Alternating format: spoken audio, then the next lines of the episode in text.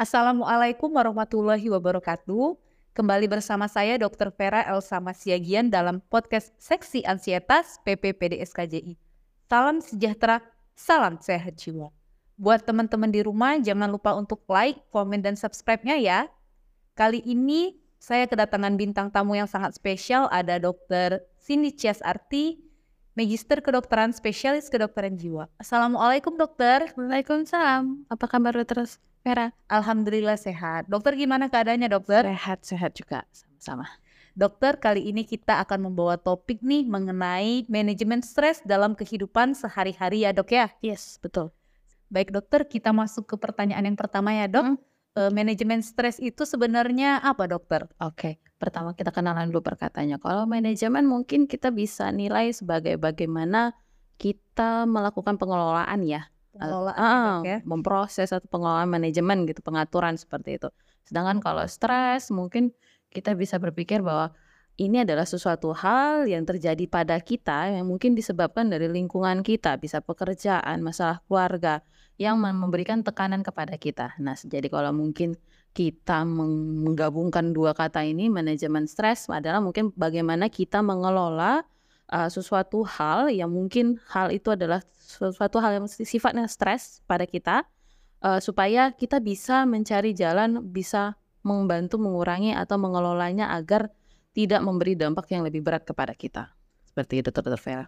Untuk manfaatnya dokter seperti apa dokter? Wah, banyak manfaatnya. Jadi uh, namanya kan kalau kita lagi stres nih, kalau tidak bisa kita kelola dengan baik, hmm. itu akan memberikan tekanan sama kita, bisa mempengaruhi kesehatan mental kita salah satunya, dan mempengaruhi bagaimana kita berinteraksi secara uh, umum. Misalnya kita lagi stres, kita pekerjaan jadi terganggu, uh, masalah sosial jadi terganggu, hubungan kita dengan orang terdekat atau keluarga pun jadi terganggu. Jadi banyak sekali sih sebenarnya manfaatnya untuk kita melakukan manajemen stres ini, Dokter Vera. Jadi emang banyak ya dok ya untuk manfaatnya. Hmm. Terus untuk tekniknya dokter, ada nggak teknik khusus untuk pengelolaan stres ini dokter? Oke, jadi kalau teknik uh, pertama sekali ada dua ya. Uh, satu bagaimana, apakah kita menghindari uh, sumber permasalahan kita, atau yang kedua mengubah reaksi stres kita terhadap apa yang sedang terjadi.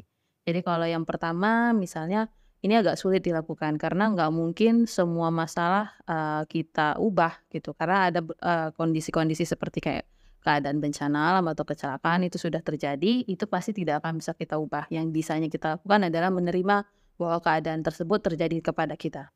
Sedangkan kalau yang kedua, tahapan itu adalah kita mengubah reaksi kita. Jadi misalnya nih, uh, Dokter Vera mau ujian, uh, pasti kita stres. Nah, ya. apa yang kita lakukan menjelang itu adalah kita mungkin membantu mengurangi stresnya dengan kita memberi persiapan dari kita misalnya dari segi mental atau segi fisik kita bersiap untuk menghadapi stres itu. Jadi apa uh, penyebabnya tadi menyebabkan stres itu ujian tadi. Nah, jadi uh, bagaimana sih uh, kita menilai kembali apakah kita menghindarinya uh, dengan cara menerima bahwa itu sudah terjadi sama kita atau kita mengubah uh, perilaku kita untuk menghadapi sesuatu hal yang menjadi stres tadi.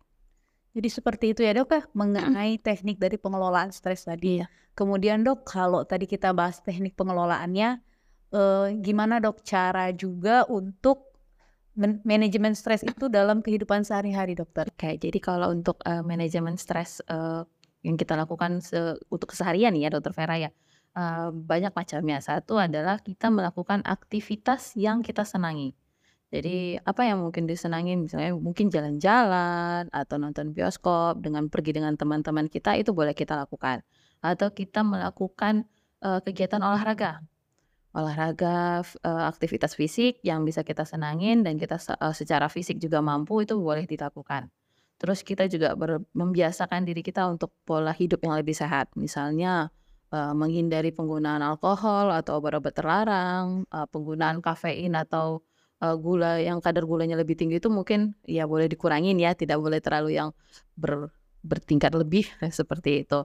Itu bisa dilakukan. Dan ada juga sih sebenarnya teknik relaksasi yang bisa dipraktekkan sama mereka untuk bisa membantu kondisi seperti ini. Tapi mungkin akan ada di teknik akan diajarkan ya seperti itu ya Dokter Vera ya. Jadi uh, biasanya dilakukan 10 sampai 15 menit diharapkan Dengan teknik relaksasi ini seseorang yang tadinya mungkin tegang, kaku, eee, otot-ototnya semuanya tegang bisa lebih rileks, bisa lebih tenang, mengatur pernafasan jadi juga lebih tenang, seperti itu Dokter Vera.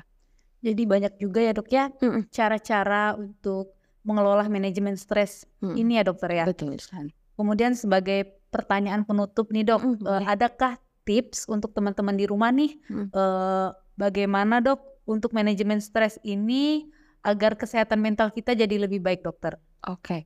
Jadi kalau untuk kita di atau penonton yang lagi mungkin menyaksikan acara ini, eee, mungkin tip tips-tips yang sebelumnya sudah dijelaskan bisa dipraktekkan ya apabila memang kita sedang berada di tahap tingkatan stres yang sedang tinggi-tingginya, lagi puncak-puncaknya gitu.